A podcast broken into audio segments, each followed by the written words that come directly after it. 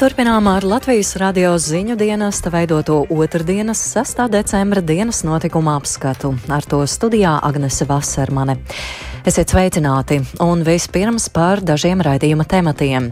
Ir zināms jaunās Latvijas valdības iespējamais sastāvs. Atbildību par veselības jomu uzņemsies Līga Mendelsone par šiem cilvēkiem, faktiski visiem, izņemot varbūt Mendelsons kundzi, ir jau runāts publiskajā telpā un nav izskanējis ne no viena koalīcijas partnera puses, nu, šis personāžs noteikti nē. Anulē televīzijas kanāla Dožģa apraides atļauju Latvijā. Vai mēs strādāsim no Latvijas? Paskatīsimies, kā attīstīsies notikumi. Es redzu, ka mēs neesam paprātam šajienes politiskajai konjunktūrai, bet neuzskatu, ka mēs apdraudētu Latvijas valsts drošību. Un, lai sagatavotos vēl vienam masveida raķešu triecienām, Krievijai būtu nepieciešamas vairākas dienas, tā norāda Ukraina. Krievijas federācijas augstas precizitātes ieroču krājumi jau tuvojas beigām. Tomēr, kā redzam, viņi nolēma iet līdz galam. Tas ir uz nulli. Tūdaļ par šīm un arī citām aktualitātēm.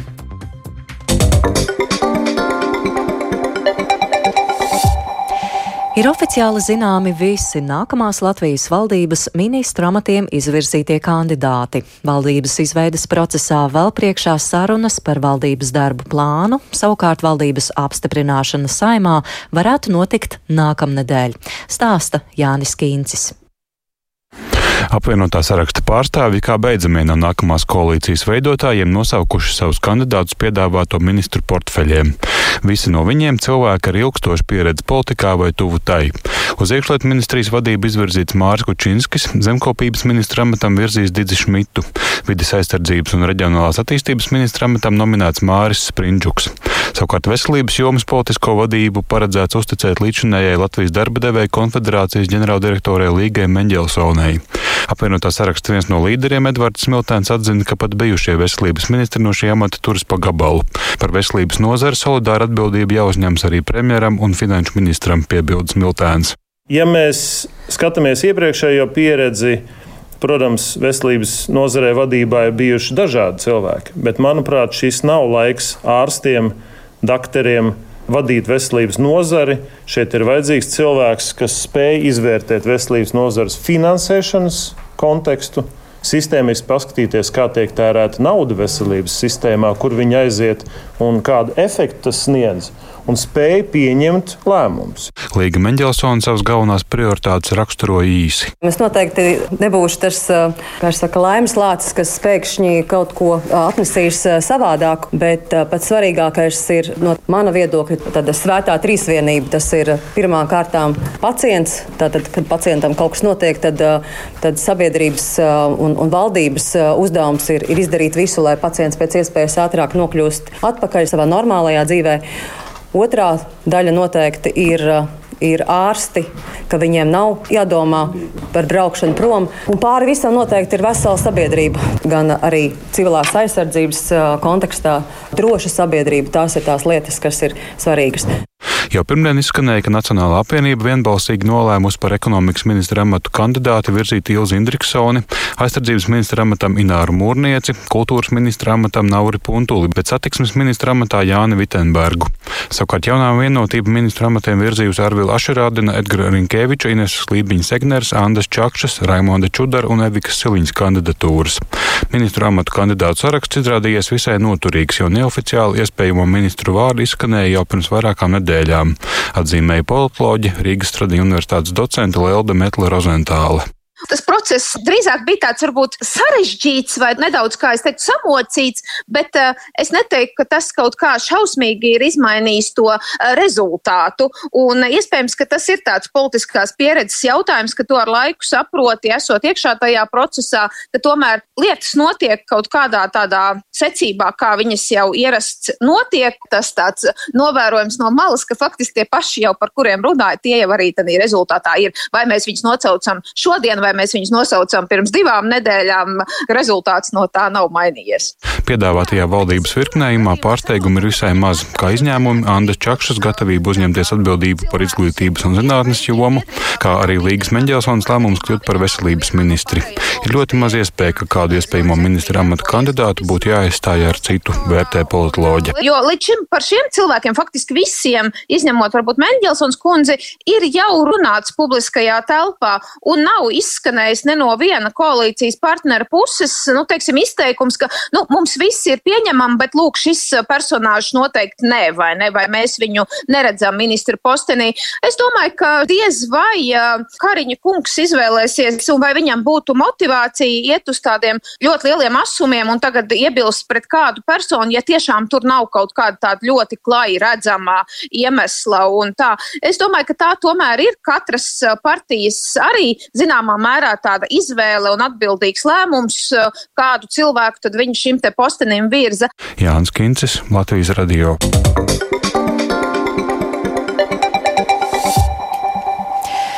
Pēc pirmdien Ukrainā notikušā kārtējā Krievijas masveida raķešu trieciena Maskavai būs nepieciešamas vairākas dienas, lai sagatavotos nākamajam. Par to šodien paziņojuši Ukrainas gaisa spēki. Raķešu Krievijai pietiekot vēl vairākiem masveida uzbrukumiem. Dienā, kad Ukrainā tiek svinēta bruņoto spēku diena, Ukrainas prezidents Volodimirs Zelenskis ir apmeklējis karavīrus Donbasā, pasniedzot arī apbalvojumus. Plašāk stāsta Rihards Plūme. Ukraina joprojām turpina atkopties no pirmdien piedzīvotā Krievijas masveida raķešu trieciena. Odeses apgabals cietis visvairāk, tūkstošiem ukrāņu palika bez elektrības, ūdens un siltuma. Uzņēmums Ukrenergo apstiprināja, ka dažas Krievijas armijas raķetes trāpīja enerģētikas objektos. Saistībā ar pirmdienas triecieniem Ukrainā atkal ieviesti avārijas elektroenerģijas padeves pārtraukumi. Tikmēr Ukrainas gaisa spēki norāda, ka sagatavošanās laiks jaunam masveida triecienam varētu aizņemt vairākas dienas. Šajā gatavošanās posmā ietilpst raķešu maršruta programmēšana, izlūkdatu vākšana, tostarp par Ukrainas pretgaisa aizsardzības sistēmu izvietojumu un sistēmas vājajām vietām. Gaisa spēki arī norāda, ka Krievijai jau iespējams beigusies pirmā bezpilota lidaparātu partija, ko tā saņēma no Irānas. Šo dronu izmantošana nesot manāma jau dažas nedēļas. Bet Ukrainas aizsardzības ministrijas galvenās izlūkošanas pārvaldes vadītājs Kirilo Budanovs izteicies, ka Krievijai augstas precizitātes raķešu pietiek vēl dažiem masveida uzbrukumiem. Krievijas federācijas augstas precizitātes ieroču krājumi jau tuvojas beigām. Tie jau sen ir kritušies. Tomēr, kā redzam, viņi nolēma iet līdz galam. Tas ir uz nulli. Reāli viņiem vēl ir palikuši daži liela mēroga uzbrukumi, un viņi ies uz nulli. Austruma frontē, turpinoties sīvām cīņām, šodien Ukrainā tiek svinēta bruņoto spēku diena. Ukrainas prezidents Valdemirs Zelenskis šodien apmeklēja Donbasā esošo Slovjānsku. Pilsēta atrodas 45 km uz ziemeļiem no Bahmutas, kas kopš Hersonas atbrīvošanas kļūsi par kauju centru.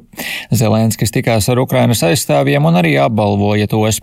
Prezidents arī ierakstīja karavīriem veltītu video sveicienu stāvot pie Slovjānskas pilsētas zīmes.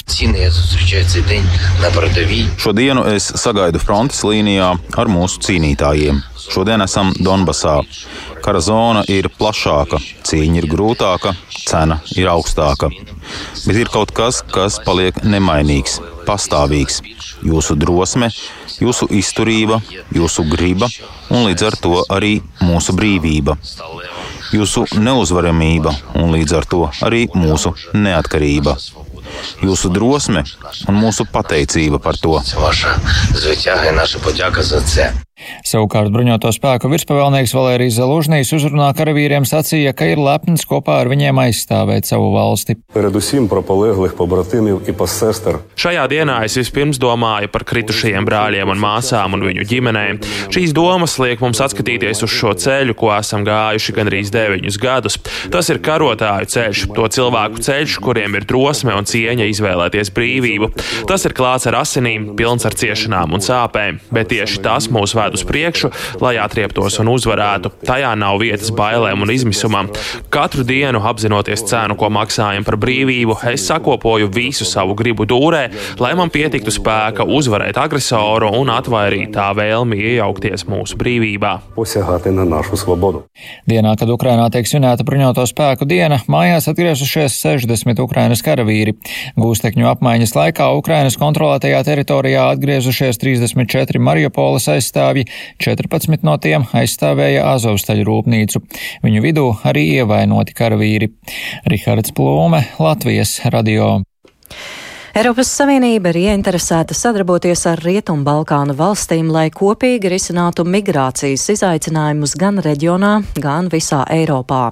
Šādu viedokli šodien Albānijas galvaspilsētā Tirānā Eiropas Savienības un Rietumu Balkānu līderu samita noslēgumā pauda Eiropadomas prezidents Šarls Mišels. Pēc viņa vārdiem pēdējo dienu laikā šajā jomā ir sasniegts progress.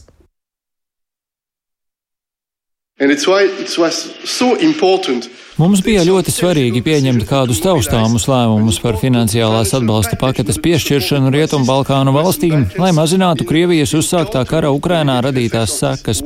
Savukārt, runājot par migrāciju, mēs zinām, ka tas vienmēr ir ļoti jūtīgs un izaicinošs jautājums. Pēdējo nedēļu un mēnešu laikā mēs esam atkal saskārušies ar grūtībām, jo Eiropā ieceļojošo skaits ir ievērojami palielinājies. Tāpēc sadarbība ar Rietumu Balkāniem mums ir fundamentāli svarīga. Es gribētu izteikt pateicību par to, ka pēdējo dienu laikā mēs esam sasnieguši progresu vīzu politikas saskaņošanā.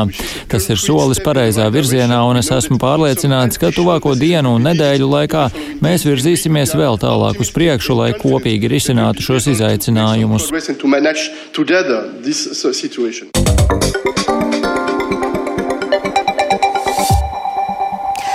Latvijā Nacionālā elektronisko plašsaziņas līdzekļu padome ir pieņēmusi lēmumu anulēt apraides atļauju Krievijas neatkarīgajam televīzijas kanālam TV Rain, kas plašāk pazīstams ar nosaukumu Dožģi.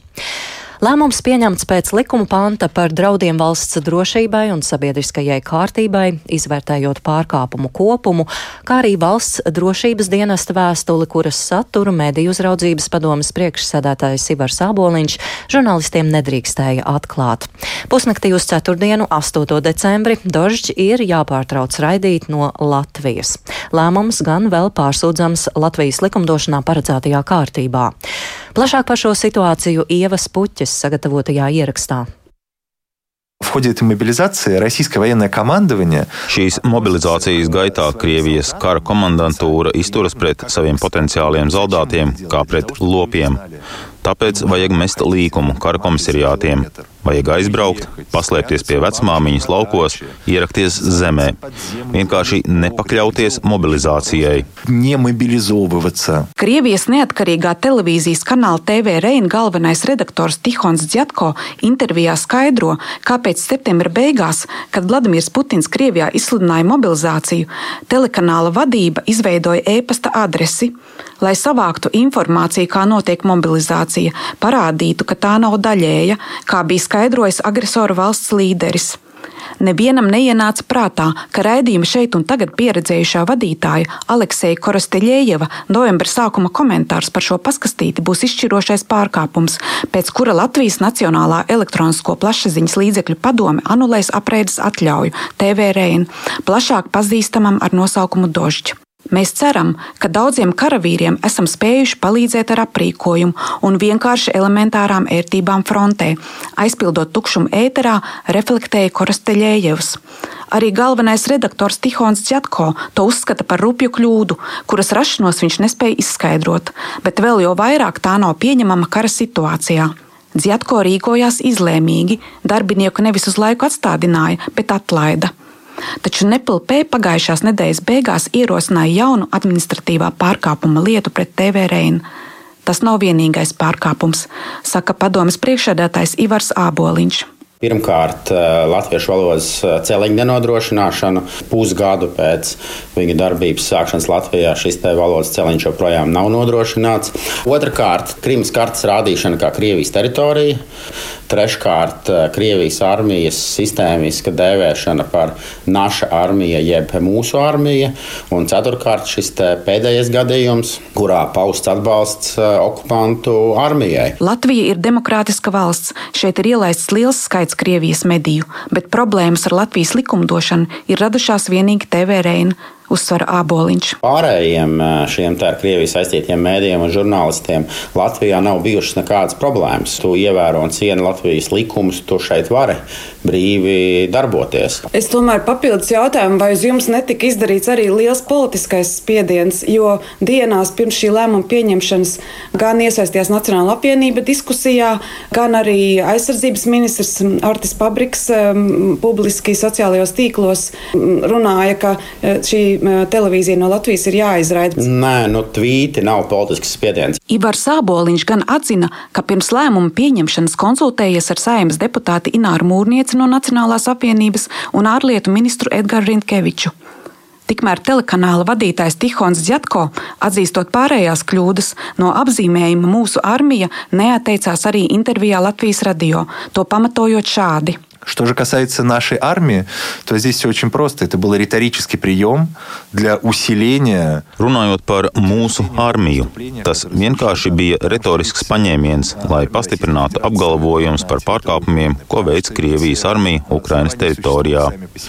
Krievijas propaganda visos šajos desmit mēnešos cenšas karu Ukrainā parādīt kā mazu spēcoperāciju kaut kur tālu. Tas uz jums nemaz neatiecas. Bet mēs telekanālā Doža Dožģi uzskatām, ka tas attiecas uz katru Krievijas pilsoni. Un mums ir svarīgi Krievijas federācijas iedzīvotājiem paskaidrot, ka tā ir mūsu armija, kas veic noziegumus Bučā un Mariupolē, bombardējot katru dienu Ukrainas pilsētas un ciemus.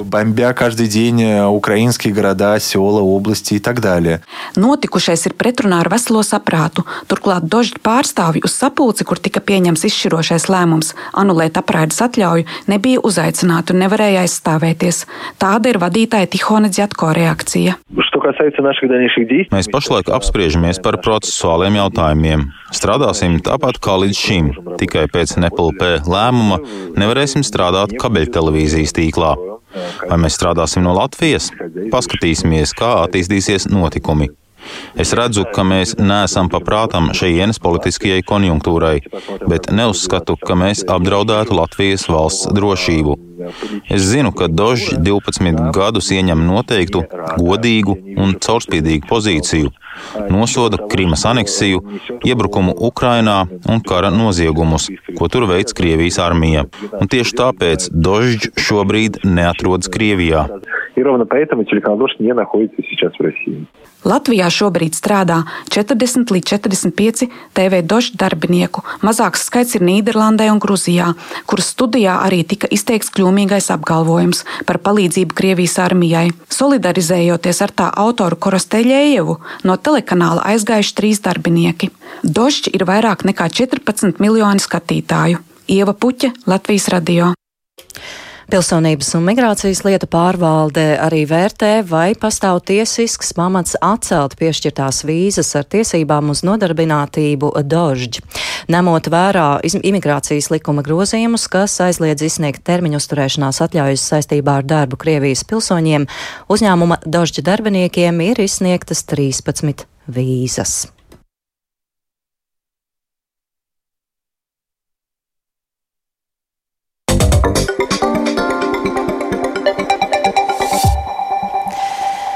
Šodien Sēmas atbildīgā komisija lēma šajā sasaukumā neturpināt darbu pie civilās savienības likuma, un tas nozīmē, ka deputāti nelems par likumprojektu, kas aizsargātu visu ģimeņu tiesiskās attiecības, uz ko norādīja satversmes tiesas spriedums pirms diviem gadiem. Par plaši apspriesto jautājumu deputāti balsoja neizšķirti. Vienlīdzīga balsojuma gadījumā notika vēl viens balsojums, taču tas neatšķīrās, un tas nozīmē, ka deputāti lēma neturpināt darbu pie šī likuma. Likumprojekta autori ir Tieslietu ministrija, kas cerēja, ka darbs turpināsies, un uz jautājumu, vai ministrija gatavos jaunu likumprojektu, atbild Tieslietu ministrijas pārstāve Dagnija Palčevska. Tas noteikti ir jautājums, tad, kad būs jaunā ministra, ministrs um, stājies teiksim, amatā un, un kāds ir teiksim, politiskais redzējums. Jo nu, droši vien, ka šobrīd ir pārāk arī izteikt kaut kādus minējumus. Katrā ziņā arī īpaši ļoti daudz alternatīvu, ko piedāvāt, īsti nav. Jo tie jautājumi ir vieni un tie paši, kas ir jāliek iekšā likumprojektā ar vai ar citu nosaukumu, vai ar nedaudz citu saturu, bet vai tas mainīs rezultātu un kāda ir no politiskās vadības nostāja, tad to tad laiks rādīs. Tukši un pamēsti šādi daudz vietu vecrīgā izskatās pirmā stāva skatlogi, kur agrāk bija ierīkotas kafēnīcas, restorānu un nelieli suvenīru veikali. Par šo problēmu interesējās Viktors Demīdaus. Kaļķu, šķūņu, tirgoņu, torņa un kungu iela. Tās ir tikai vairākas no daudzām vecrīgas ielām, kur ir vismaz viens tukšs skatlogs. Agrāk telpās dega gaisma, ēdienu smarža, skatlogos izliktie suvenīri vai kādi citi pakalpojumi aicināja cilvēkus iekšā, bet tagad valda tukšums un tumsa. Uz putekļainiem logiem un durvīm daudz viet ir redzams piedāvājums telpas iznomāt. Klāt pievienots telefona numurs. Kā Rīgas un visas Latvijas sirdī redzamo vērtē iedzīvotāji, dodos aptaujāt vecpilsētas ielās. Mums ļoti grūti biznesiem, ja tas ir cilvēkiem pieder, tas ir ļoti grūti nu, saturēt to visu. Tas nav iespējams ar mūsu situāciju vispār. Tas jau cik gadus ir un tas turpināsies un turpināsies. Tukšuma sajūta. Nu, būs mūsu cilvēkiem un jaunākiem tas atkarīgs. Nu, protams, Covid arī savu tā mājās sēdēšanu. Reiz bija agrāk aktīvi pensionāri, tagad arī esmu palikusi pasīva. Nu, tas man, protams, skumdina, bet uh, no otras puses tas jau arī bija paredzams, uh, kad sākās pandēmija un sekoja viss pārējais, kas ir noticis pēdējo divu gadu laikā. Protams, tā ir problēma kaut kādai ekonomiskai aktivitātei ir jānotiek. Katram uzņēmējam vispirms ir jādomā pašam, kā viņš šajā situācijā tiks cauri tā problēma nesākās un nebeidzās šeit, Rīgā vai pie Latvijas robežas. Tā nebeidzās. Tas ir sācies un izplatījies kaut kur krietni vēl tālāk pa visu pasauli. Un, nu, tas nav tāds lokāls risinājums, ka tagad nezinu, ekonomikas ministri iesaistīsies un īstermiņā kaut kāds risinājums piedāvās. Nu, ir tāda problēma skatīties uz to globāli, plaši. Kalēju ielā pie Mihaila Čehova Rīgas Krievu teātra ir vēl vairāki tukši skatlogi. Šeit līdz martam bija restorāns trīs. Vecpilsētā ir um, nu, tik daudz um, ierobežojumi, ka nu, ir ļoti grūti strādāt. Jā. Restorāna trīs konsultants Ēriks Dreibans stāsta, ka restorānam vajadzēja samazināt vasaras terasi, lai pa ielu varētu izbraukt ugunsdzēsēji. Turklāt pēc pulksten 12 dienā aizlieguma dēļ pie restorāna nebija iespējams piebraukt ar mašīnu pat darba vajadzībās. Daudzo ierobežojumu dēļ vecrīga pēdējo gadu laikā esot pārvērtusies par mirušu zonu. Kad bija Ušakovs, tad tos jautājumus varēja risināt, un būvvaldē diezgan pretīm nāca un tādā garā jaunā Rīgas doma atnāca. Tā darbība, nu, tur saka, ka visu laiku darbosies, darbosies, bet viņi kaut kādīgi nu, nejūtās, izņemot to, ka tur uztais Rīgas restorāna nedēļu, to nejūt. Latvijas viesnīcu un restorānu asociācija atzīst, ka pandēmijas vislielākās sekas tagad izjūt ēdināšanas uzņēmumi. Rīgas vēsturiskajā centrā savu darbību ir veikuši aptuveni 10-20 tādi uzņēmumi, turpina asociācijas izpildu direktore Santa Graikste. Turistu plūsma ir, ir mazāka un arī vietējo iedzīvotāju plūsma ir mazāka un līdz ar to Vecrīga pamazām pārvēršas eh, līdzīgs spoku pilsētai. Problēma ir nonākusi arī līdz domas dienas kārtībai. Ātrie risinājumi ir vairāk organizēt dažādus pasākumus, kas piesaistītu vairāk turistus un vietējos cilvēkus.